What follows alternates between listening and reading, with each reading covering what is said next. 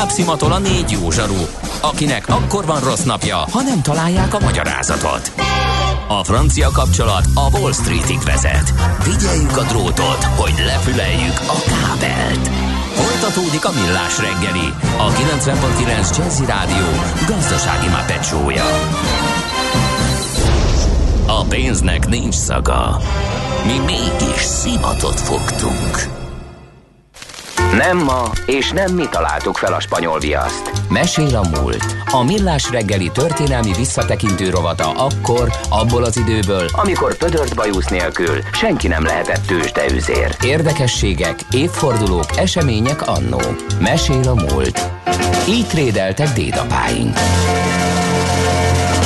Na de azért meg előtte beköszönünk, itt vagyunk, igen, továbbra is. Jó reggelt, millás reggeli. Mi folyik ott adásvezérlésű ügyén? Ki a felelős? Talán Ács Gábor? Nem, kimondottan, és csak és kizárólag az a Mihálovics András, akinek ismét fölteszik a kérdés, hogy ti meddig féltek még? Vagy most már marad a home office rádiózás? Mi nem félünk, csak a maci fél, tegyük hozzá. De ő is csak addig fél, ameddig hivatalosan el nem jut uh, odáig, hogy uh, a 14 nap meglegyen a második dózis Szögezzünk után. le valamit nagyon gyorsan. Nem félek én ürdünktől se, ez biztos, csak felelősségteljes állampolgári magatartást uh, tanúsítok amiatt, hogy penge élen kiszámolva a luxusoltást megkaphattam, ezzel nagyon sokat kockáztattam, de ennek még az immunizációs szakaszában nem értem el. Na, ez a lényeg, kérem szépen. Már csak pár, mennyi? Másfél hét talán? És hát akkor... egy másfél hónap. Mire?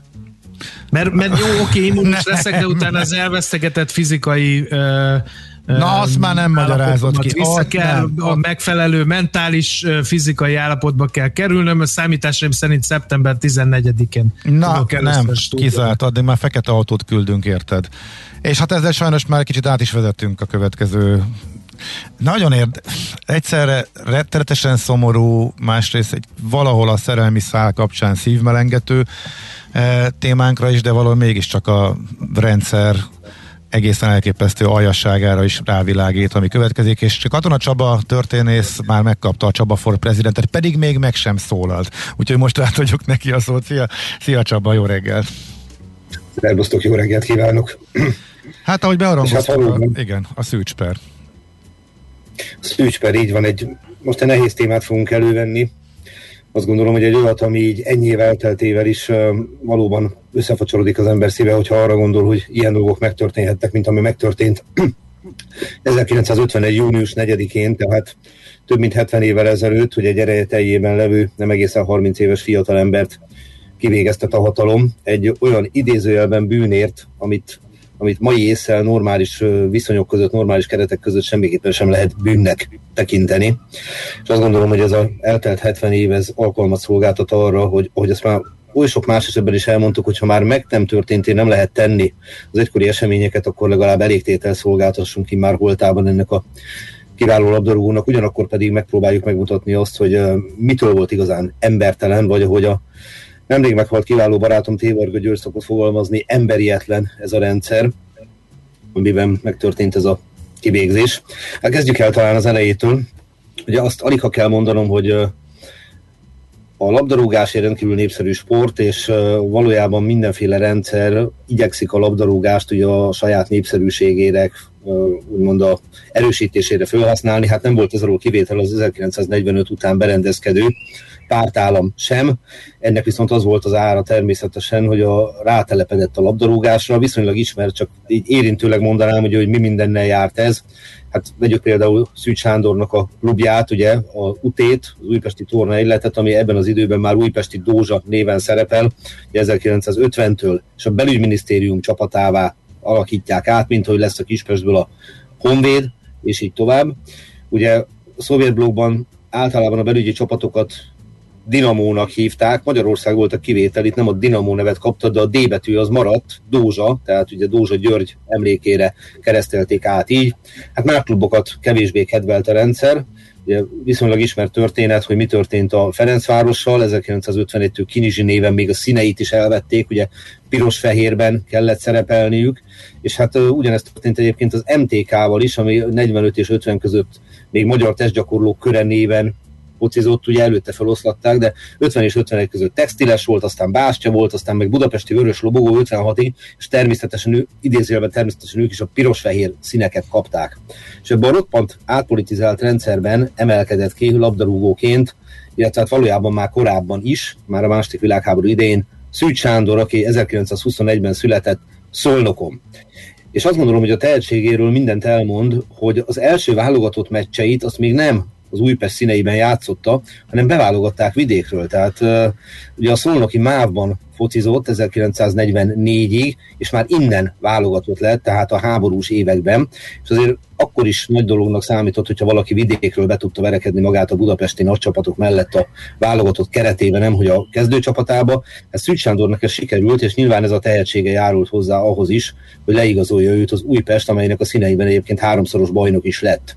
Tehát egy kiemelkedő tudású hátvédről beszélünk, ezt egy percig se felejtsük el. Egyébként összesen 19-szer volt válogatott, utoljára 1948-ban. Hogyan alakult az ő sorsa tragikusan? Valóban, ahogy ti is említettétek, ez szerelmi szállal kezdődött. Hévízen megismerkedett a mondjuk úgy, hogy ünnepelt énekesnővel, Kovács Erzsivel, akinek a pálya persze aztán később ívelt igazán magasba, és ha minden igaz, akkor sajátos módon nem más mutatta be egymásnak Szűcs Sándort és Kovács Erzsit, mint Kovács Erzsi első férje, Boros László zongorista de akár ő mutatta be őket egymásnak, akár nem, a fennmaradt források azt látszanak igazolni, hogy nagyon-nagyon hamar szerelem bontakozott ki a két ember között, és hát ez elég komoly problémát okozott több ok miatt. Egyrészt mindketten családos emberek voltak. Ugye Kovács Erzsi, ahogy említettem, volt férje, Szűcs Sándornak felesége és gyermekei, ami önmagában már ugye magánéleti drámák sorát okozhatta, de mindenek tetejében még a rendszer nem tűrte meg ezt a fajta a szocialista erkölcsel ellentétes magatartást és mivel hogy jöttek-mentek a hírek, hát az Újpest is igyekezett lépéseket tenni, egész pontosan a belügyi vonal, hogy eltántorítsák őket egymástól. Viszont itt valóban egy, egy valódi szerelemről volt szó, és arra jutottak a fiatalok, hiszen Kovács Erzsé három évvel idősebb volt Szűcs Sándornál, de ő is bőven még fiatal volt természetesen, hogy megpróbálnak külföldön boldogulni, nevezetesen diszidálni. Na most a labdarúgók közül sokan próbálkoztak ilyesmivel. Ugye teljesen érthető módon. Ugye a kiépül az az egypártrendszer, ahol itt a labdarúgók lehet, hogy jó fizetést kapnak helyi viszonyok között, tehát itt a béketáboron belül, azért pontosan lehetett tudni, hogy ha valaki egy jó nyugati klubbal szerződést tud kötni, akkor leírhatatlan különbség van a kereset között, amit itthon be lehet gyűjteni, meg amit külföldön. Hát arról nem szólva, hogy ugye nyugaton egy szabad világ várta ezeket az embereket, még itthon ugye el kellett viselni mindannak a bornírságát, aznak a kiépült rendszernek a tényleg majdnem, hogy azt kell mondjam, hogy életellenes rendszernek a, a dolgait, amiben itt élni kényszerültek. És nem véletlenül, hogy rengeteg ilyen kísérlet történt, ugye volt, aki sikerrel jár, gondoljunk Kubala Lászlóra, aki ugye mai napig a FC Barcelona bálványa, okkal, nem véletlenül. Hát mások nem jártak sikerrel, hát például Lórán Gyulát, vagy Rosics, Rosics Gyulát tudom, tudnám említeni, ugye az aranycsapat játékosai voltak.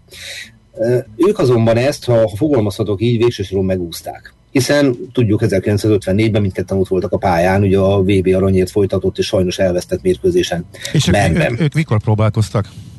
Ők még, szü- ők, ők még korábban, tehát ezt megelőzően, igen, igen. Még ezt megelőzően 1951 előtt. Ugye maga a pártállam az így 47, 48, 49-től egyre durvábban kiépül, 49-től már egyértelmű teljesen egy, egy pártrendszerről beszélhetünk, és nagyon-nagyon rosszul veszi az ki magát, hogyha a kirakat embereknek számító labdarúgók, de egyáltalán bármilyen sportoló az ugye megpróbál hát úgymond külföldre távozni és ezért aztán fokozott figyelmet fordítottak arra, hogy lehetőleg ilyesmi ne történjen meg. Ugye az más kérdés, hogy mi történik majd 1956 után. Ugye emlékezhetünk rá, hogy akkor a aranycsapat tekintélyes része dobbant, ugye Kubala már rég Barcelonába játszik, de akkor ugye megérkezik mellé a két másik magyar, Cibor meg Kocsi, és ugye Puskás öcsi is ekkor tud külföldre menni, és aztán elkezdődik a pályafutásának úgymond a második szakasza a Real Madridnál, és még hosszan lehet sorolni. Most Szűcsnek voltak ilyen-olyan kapcsolatai, és egyebek mellett arra hivatkozott, hogy régi újpesti csapattársa, a két háború közötti Újpest bálványa Zsengellér Gyula segítségével lesz esélye valahol külföldön játszani, több csapat is szóba kerül, például az Ácsi Milán. Apró művelődős történetű adalék, Zsengellér nevét azt gondolom, hogy mindenki ismeri, aki a labdarúgás történetével foglalkozott. Ez a Zsengellér név ez onnan van, hogy a család eredeti neve Keller volt, és ez változott át aztán a magyarban, lassan, de biztosan zsengelléré. Én elsőre meg nem mondtam volna bevalló férfiasan, de a magyar nyelv az ilyen, hogy át tud alakítani dolgokat. Egyébként Halimba község eredetileg Hallenbach volt, nagyon sok ilyenbe belemehetnénk, de nem menjünk bele, mert nem erről szól ez a mai megemlékezés. Sajnálatos módon ott követték el a hibát Kovács Erzsijék, hogy egy nem megfelelő emberrel vették fel a kapcsolatot, egy embercsempésszel, hogy vigye át őket a nyugati határon. Kovács Józsefnek hívták ezt a embert, és hát tényleg embercsempészettel foglalkozott, de az AVH ügynöke volt. És onnantól kezdve, hogy az AVH ügynöke volt, tulajdonképpen Kovács Erzsi és Szűcs Sándor egy piszkos játszmának az áldozata lett, ugyanis innentől kezdve megvárták, amíg ők megpróbálják, megkísérlik ezt a disszidálást. Folyamatosan érkeztek a jelentések az AVH-hoz, ugye Kovács József azonnal leadta a drótot, hogy mi történik, és hát amit döbbenet látni, hogy miután eltervezték, hogy, hogy távoznak és külföldre mennek, előtte, ugye március elején vagyunk, megkísérel, elköszön a társaitól, a labdarúgó társaitól, a csapattársaitól Szűcs Sándor. Tehát annyit mond nekik, hogy akkor remélem jó szívvel emlékeztek rám, vagy valami hasonlót, és ezek a szavak már másnap ott vannak az AVH-nál, tehát valaki a csapatból azonnal jelentette, hogy elhangzottak ezek a, ezek a, ezek a gyanús szavak, úgymond. Hú. Ezzel együtt természetesen ők nem tudták, hogy milyen sors vár rájuk. Fölmerült az, hogy a Ferencvárosban, meg az korábban a Szentlőrincben gólkirályá lett Deák Bamba, Deák Ferenc, aki akkor már szintén az Újpestben játszott velük tart, de végül is nem ők tartottak velük, hanem egy ifjú hölgy és egy fiatal ember, tehát négyesben próbálták meg átlépni a határt, ez a pontosabban ötösben, mert ugye természetesen velük volt Kovács József a beépített ügynök. És így esett az, hogy több halogatás után, miután március 5-én megtörtént az a ominózus búcsú, amit az előbb említettem, hogy Szűcs elbúcsúzott a csapatársaitól, elindultak, és sajnálatos módon a magyar határnál természet, természetesen idézőjelben azonnal megállították és elfogták őket. Na most Szűcsnél pisztoly is volt. És hogyha valaki a belügyben tisztként szolgál, már pedig Szűcs Sándor labdarúgóként ugye a belügy tisztje volt, most azt hagyjuk, hogy mennyi volt a tényleges fegyveres szolgálata, ráadásul fegyverről a kezében kísérli meg átlépni a határt, ez sajnálatos módon lehetőséget teremtett a hatalomnak arra, egy törvénymódosításnak köszönhetően, hogy akár halára is ítéljék az illetőt. És maga Szűcs Sándor nem számított erre, tehát ő azért tisztában volt, hogy számos labdarúgó kísérelte meg átlépni a határt, de valószínűleg néhány dolgot sajnálatos módon nem vett figyelembe, azt, hogy ő az Újpest labdarúgója, eképpen belügyi tiszt, nem vette figyelembe azt, hogy mennyire súlyosbító körülmények számít, hogyha pisztoly van nála, és állítólag többször tett olyan kijelentést is Kovács füle hallatára, hogy uh, szükség esetén ellenáll a pisztolyjal. Ezt egyébként nem tette meg. Tehát erre nem került sor, de készségtelen tény, hogy a szolgálati fegyvere nála volt. Tehát akkor ezt nem a, nem, a Kovács, akkor nem a Kovács adta a kezébe, tehát ez a szolgálati fegyvere volt, mert ezzel kapcsolatban ellentmondásos információkat olvastam, hogy az is a, a kelepsze volt-e maga a fegyver. Igen, hogy hogy került hozzá, uh, ugye a, a, az a, a történetnek van egy olyan verzió, hogy azzal akarták eleve nehezebb helyzetbe hozni, hogy Kovács beszélte rá, vagy Kovács adta neki. Uh-huh. Nem, tehát itt uh, nyilván felkészült arra, hogy szükség esetén védekezzen, az más kérdés, ugye, hogy ott a helyzet rettenetes pillanata, amikor eljön, az, amikor szembesül vele, hogy, hogy elfogták őket, akkor ugye nem olyan könnyű benyúlni a zsebembe és elővenni azt a pisztolyt, soha ne akarjuk megtudni, hogy milyen ez. Uh-huh. Minden esetre igyekszik azzal védekezni, Szűcs is, és a többiek is, hogy ők tulajdonképpen csak Kovácsot akarták úgymond törbe csalni, mint embercsempészt. Természetesen ez a védekezés kevésnek bizonyul. Kovács Józsefet nem állítják vád elé, tehát sem merül, ugye, hogy ilyen történjen. A velük utazó két fiatal embert, Engel Erikát és fiatal Józsefet igen, csak úgy, mint Kovács Erzsit, és ugye csak úgy, mint mint a Szűcs Sándort. Ugye az ítélet elég különböző lesz. Fiatal Józsefet két évre ítélik, börtönre, Engel Erikát másfél évi fogházbüntetésre. E, ami Kovács Erzsit illeti őt négy évre ítélik, ha jól tudom, ebből talán csak három évet töltött le, idézélve a csakot, mert azért csak gondoljunk bele, hogy mit jelent egy ilyen büntetés. Viszont sajnálatos módon pontosan lehet tudni, hogy Szűcs Sándort halára ítélték, és így hajtották végre. Az elnöki tanács 1905. évi 26. törvényelelő rendelete alapján aminek a lényege a következő volt, hogyha valaki a katonai büntetőbíráskodás hatája alá esik, és ugye a belügyi tiszt, rendőrségi tag az ide esik, elfogják külföldre szökés közben, vagy annak kísérlete miatt, akkor életfogytig sújtható, tehát sújtható, és minősített esetben fegyver van nála, akkor halállal is lehet büntetni. És így hozták meg ezt az ítéletet. Na most nyilván az ítéletben nem szerepel az, hogy, el... hogy mit tervezett? Mert azért egy érdekes, itt a vizsgálattal kapcsolatban egy érdekes gondolat támad, hogy akkoriban azért nem bántak nagyon kesztyűs kézzel az AVH-sok azokkal, nagyon akiket nem. elkaptak, és koncepciós perrel fenyegettek. Ilyenkor felmerül az emberbe a kérdés, hogy ő mindent bevallott, és ha igen, akkor, akkor ezt ilyen kényszer hatására tette? Valószínűleg erről mit ez, lehet tudni ez nem, is feltét, ez nem is feltétlen volt koncepciós, tehát itt igazából a tényállás az, az megállt végül is. Ilyen értelemben igen, a halálos ítélet teszi azzá, ha mondhatom így, mert uh, ugye, ahogy említettem, kiszabható volt ez az ítéletem a rendelet alapján, de nem kiszabandó. Uh-huh. Tehát ugye az nem ugyanaz. Igen. Na most, ami, a, a, ami azt illeti, hogy uh, alkalmaztak a fizikai kényszert. Kovács Erzsi, aki ugye megírta erről az emlékezéseit egyebek mellett, azt írta, hogy uh, fogalmazunk úgy, hogy a pszichikai nyomásgyakorláson túl fizikailag is bántalmazták. Tehát ő megemlíti ezt. Na most ilyen az iratokban viszont nem szerepel, de hát az, hogy nem szerepel az iratokban, az korán sem jelenti azt, hogy nem történt meg. Tehát van egy kiváló kollégám, az Állambiztonsági Szolgálatok történeti levéltárának a dolgozója, Takács Tibor, aki több nagyszerű könyvet írt az 1945 utáni rendszer, illetve a labdarúgás, hát mondjuk úgy, hogy nem egyenrangú kapcsolatáról, ugye az egyik az a címe egyébként roppant elmés címeket adott a könyvének. Az egyiknek az a cím, hogy büntetőterület, a másiknak pedig szoros emberfogás. És azt gondolom, hogy két roppant kifejező címről beszélünk.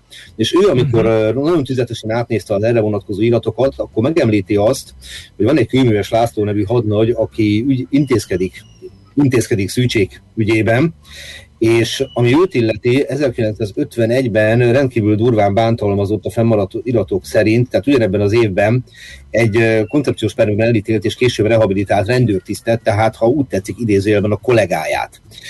Vagyis fölmerül az ő esetében, hogy ez a fajta eljárási mód, hogy fizikailag bántalmazza, horribile dictum megtorolja a, a korábbi tetteit az elfogottakon, ez nála felmerül, de hát Takás Tibor nagyon korrektül fogalmazott úgy, hogy miközben ez erősíti azt, hogy gyanút, hogy esetleg történt fizikai kényszer, e, ezzel együtt ez nem bizonyítható.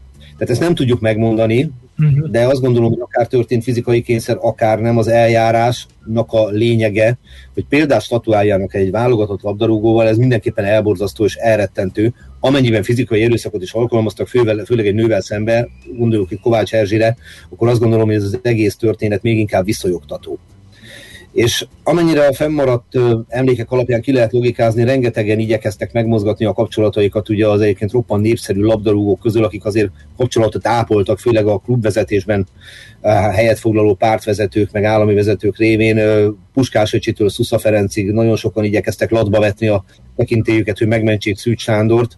Sajnálatos módon nem, járnak, nem jártak sikerrel ezek a, ezek a törekvések, és akkor ezzel kapcsolatban hadd idézzem egy Várhidi Pált, ugye az újpás legendás edzőjét, ő azt mondta, ha éjjel felébredek, akkor is rögtön beugrik, és pontosan tudom, hogy hol, hogy volt az eset. Amikor a főtárgyaláson dühében a bírókra borította az asztalt, akkor dőlt el a sorsa. A rendes bíróság rögtönítőlő bírósága alakult és halálra ítélte. Végtelenül rendes ember volt, ráadásul én személy szerint is hálás vagyok neki, hiszen neki köszönhetem az Újpesthez kerültem. Nem is tudtuk elképzelni, hogy tényleg igaz a hír. Most én azt gondolom némi forráskritikával, hogy ez egy érzelmektől áthatott és teljesen érthető, hogy érzelmektől áthatott szöveg. Nem ott dőlt el a sorsa, hogy rájuk borította az asztalt, tehát az a leghátborzongatóbb az egészben, hogy nem az történt, hogy hirtelen dübegurult a bíróság, és azt mondta, hogy egy halára ítéljük Szűcs Sándort, hanem ez egy pontosan megtervezett, és ettől válik igazán koncepciósá eseménysor volt, hiszen onnan kezdve, hogy tudták, hogy diszidálni, akkor akár rögtön le is tartóztathatták volna, nem tették. Törbe csalták, elfogták, végigvitték a pert, halára ítélték, kivégezték. Csaba, azt, valami bocsánat, Csaba, azt, azt, azt lehet tudni, hogy ez milyen szintig ment föl? Ez kinek a döntése volt? Hogy egyáltalán, hogy ezt így csinálják meg, hogy ennek ez legyen a vége? E, erre ezt nem lehet ez nem feltétlen derül ki. Uh-huh. Az iratokban ez nem feltétlen derül ki, azt viszont azt gondolom, hogy el lehet mondani, hogy egy ilyen szintű történés az elképzelhetetlen, hogy a legfelsőbb vezetés minimum tudta nélkül ne történt volna meg. Tehát ugye ez egy nagyon központosított, nagyon centralizált rendszerről beszélünk. Itt egy kiemelt uh, státuszú figuráról, aki egyfelől a belügy tisztje, másfelől egy népszerű válogatott futbalista. Tehát én nem tudom elképzelni, hogy legalábbis ne bólintottok volna rá hallgatólagosan, és ez a minimum. Uh-huh. De itt most a véleményemet mondtam el. Uh-huh. Minden esetre, ahogy mondani szokták, ez az eset, ez tökéletesen jellemzi ezt a fajta rendszert, hogy uh, és hogy mi múlt egy ember élete. Tehát, hogy számos diszidálási kísérlet történt, és Szűcs Sándor az, aki az életével lakol azért, amit idézőjelben elkövet. Viszont ha valóban az volt a mögöttes cél, hogy példát statuáljanak vele, ami elképzelhető, hiszen nagyon erős üzenete volt annak, hogy egy egy a rendszer által kiemelt csapat az Újpest labdarúgóját, aki ráadásul válogatott, aki szem előtt van, őt sújtják egy ilyen büntetéssel megtorlandó a diszidálási kísérletét. Ha az volt a cél, hogy ezzel elrettentsék a labdarúgókat a diszidálástól, akkor azt kell mondjam, hogy végsősoron elérték a céljukat. Igen. De ez, ez, 56-ig nem, ez is, próbál, nem is próbálta 56-ig senki más, ugye? Nem. Nem. Tehát azért a labdarúgó társadalomban híre ment ennek a dolognak, illetve annak is, hogy Puskás öcsiék sikertelenül próbálták megmenteni játékos társukat. És ezt az egészet összerakjuk, akkor láthatjuk, hogy tényleg egy, egy egészen elrettentő történettel van dolgunk. Talán annyi pozitívumot hozzá lehet tenni, hogy szerencsére a három másik a szökésben résztvevő személy, tehát fiatal, illetve Engel később kiszabadult közülük, a ifjú hölgy az amennyire tudom, külföldre diszidált a későbbiekben, és Kovács Erzsének pedig végső soron megadatott az, hogy visszatérjen a pályára, ugye német lehel és mások társaságában ismert és sikeres énekesnő lett, és roppant népszerű lett, ami hát talán a vigaszára szolgálhatott valamilyen mértékben a későbbi életében, és hosszú élet adatott meg neki 2014-ben hunyt el. Tehát azt gondolom, hogy ez a rettenetes trauma, ez végig kísérte az ő életét, és hogy ezt az egészet így egy máshonnan vett gondolattal zárja, ami hadd idézem a közelmúltban, 2018-ban elhunyt kiváló felvidéki szlovákiai írót, Grendel Lajost, akinek megjelent 1982-ben egy regénye, a Galeri, és ebben van néhány olyan mondat, ami azt gondolom, hogy ide is nagyon illik, és egyáltalán nagyon-nagyon sok más helyzetre is. Ez pedig így hangzik, hogy aki tehát ráfonódik valamilyen eszmére, önmagán túli, megfoghatatlan, elvon dologra, az a saját legvalódibb érdekeitől idegenedik el, és a legpiszkosabb dolgokra is kapható lesz.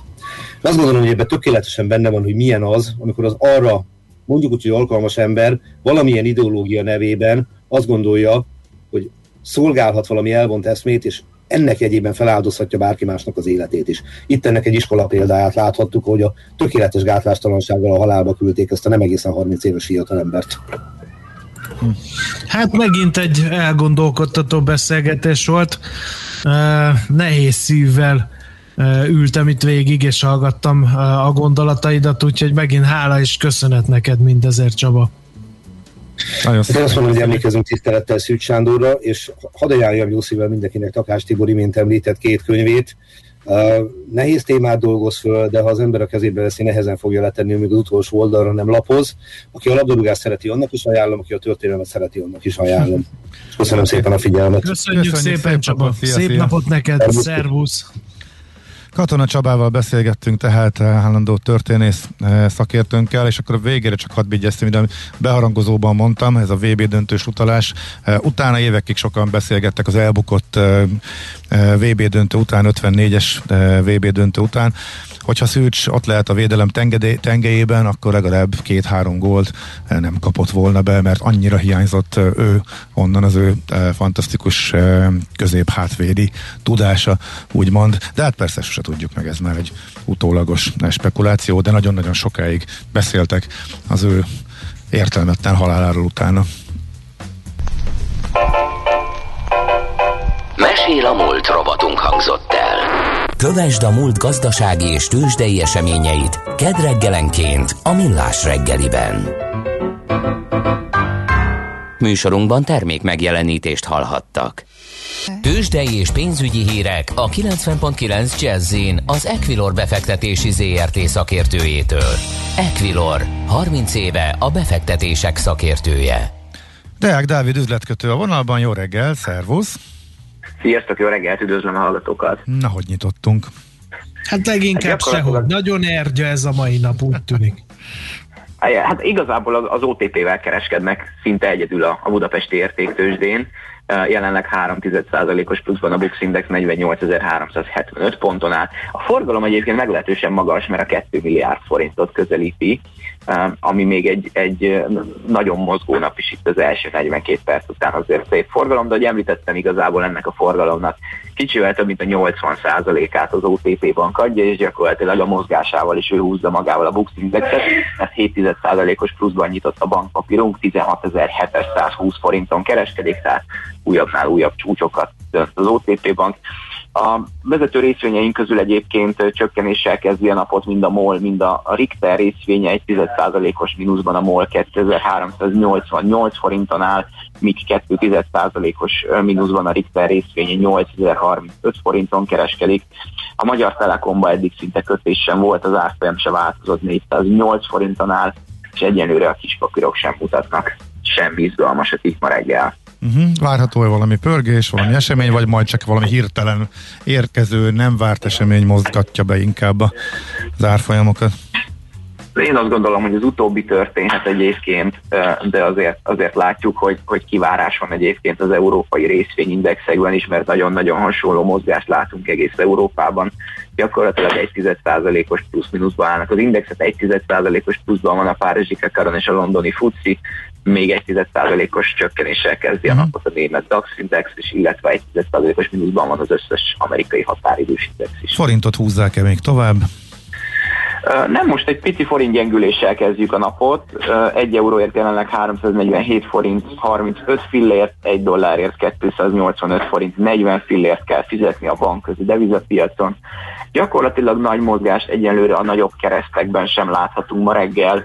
Az euró-dollár árfolyama most 1.21.73, míg a font dollár 1.41.40 uh-huh. ebben a pillanatban. Oké, okay. Dávid, nagyon szépen köszönjük, jó munkát, szép napot! Köszönjük szépen, szép napot! Szia, szia. Deák Dávid üzletkötővel beszéltük meg a délelőtti piaci helyzetet. Tőzsdei és pénzügyi híreket hallottak a 90.9 jazz az Equilor befektetési ZRT szakértőjétől. Equilor, 30 éve a befektetések szakértője. A kultúra, befektetés önmagunkba, a hozam előrevívő gondolatok. Könyv, film, színház, kiállítás, műtárgy, zene. Ha a bankszámlád mellett a lelked és szürke állományod is építeni szeretnéd. Kultmogul. A millás reggeli műfajokon és zsánereken átívelő kulturális hozamgeneráló rovata következik. A rovat támogatója a Budapesti Metropolitán Egyetem, az Alkotó Egyetem. És a vonalban itt van velünk Erdő Diorsolya, a Budapesti Fesztivál Zenekar menedzser igazgatója. Jó reggelt kívánunk! Jó reggelt kívánok, sziasztok! Igen, egy érdekes programotok lesz a hétvégén, egy ingyenes családi nap, úgyhogy erről beszéljünk. Hogyan jött ez, és milyen lesz? Gondolkoztunk azon, hogy nagy koronavírus járvány és a bezártság után hogy tudnánk találkozni a közönségünkkel, és hogy tudnánk nekik megmutatni azt, amit hát én remélem, hogy nem felejtettek el az elmúlt egy év során, hogy mennyire fontos a klasszikus zene, és hogy milyen izgalmas programokat és koncerteket szervez a fesztivál zenekar.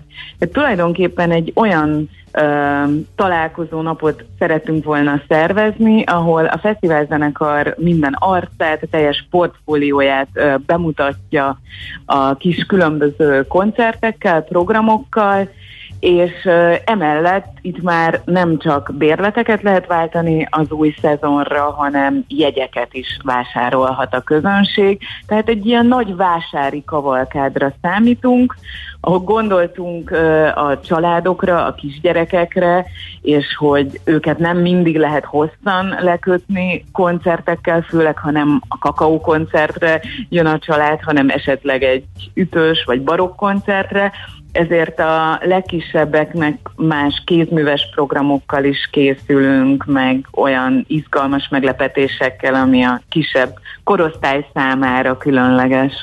Uh-huh. És uh, igen, helyszín.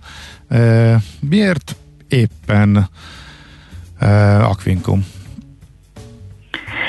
szabadtéri helyszínre szerettünk volna menni, és az Aquincum Múzeummal már van együttműködésünk, hiszen a Zenés Körút sorozatunknak is mindig egy különleges állomása. Az Aquincum Múzeumban tartott koncert, igaz, azok zárt térben szoktak megvalósulni, de szeretnénk birtokba venni ezt a gyönyörű, hatalmas történelmi területet a zenei vásár során, ugyanakkor biztonságos, hiszen körül van kerítve, kerítéssel a gyerekek nem tudnak kifutni, az autók elé, van parkoló, ez sem okozhat Aha. bonyodalmat majd, és olyan különlegességek is várják a közönséget, mint például az Akvinkumi vízi orgonáról szóló bemutató előadás, amit csak ezen a helyszínen lehet megtekinteni. Uh-huh. Tehát külön lehet megnézni az ütősöket, fúvósokat, gyerekeknek a kakaókoncert, hangszerbemutató is lesz, jól rémlik?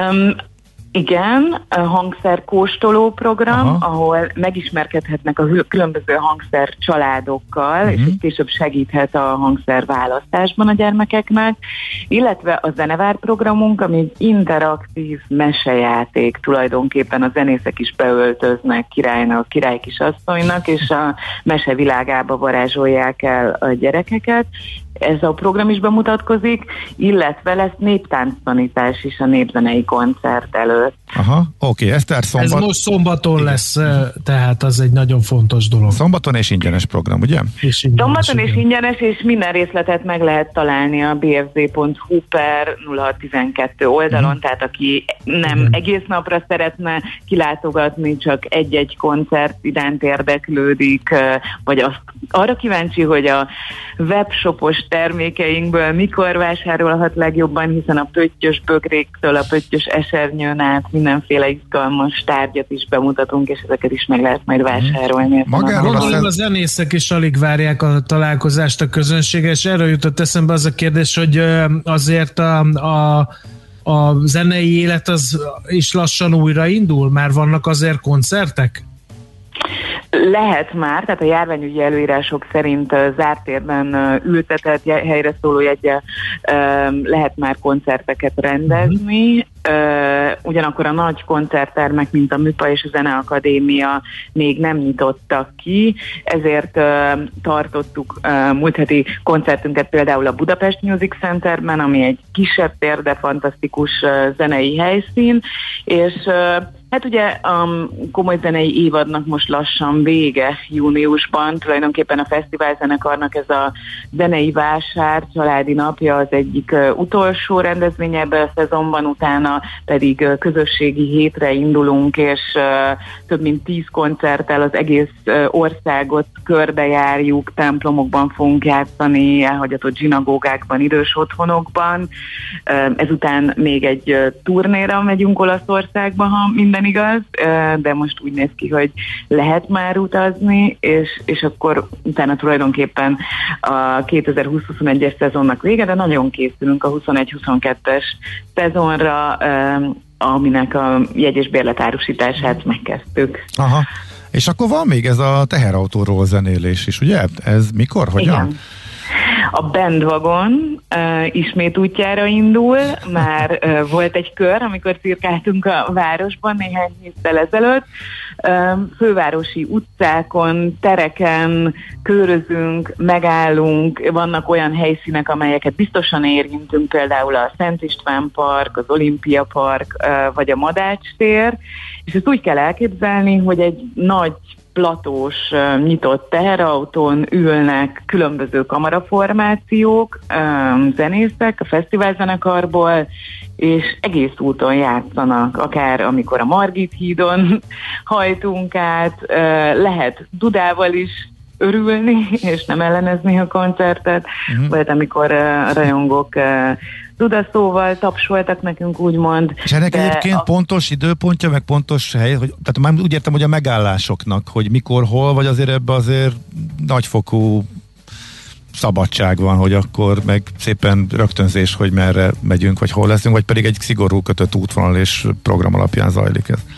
Nincsen szigorú kötött útvonal, holnap szerdán 5-től este 8 óráig, és pénteken egy kicsit korábban indulunk már, és ott is az esti órákba nyúlik a mi zenélésünk és cirkálásunk.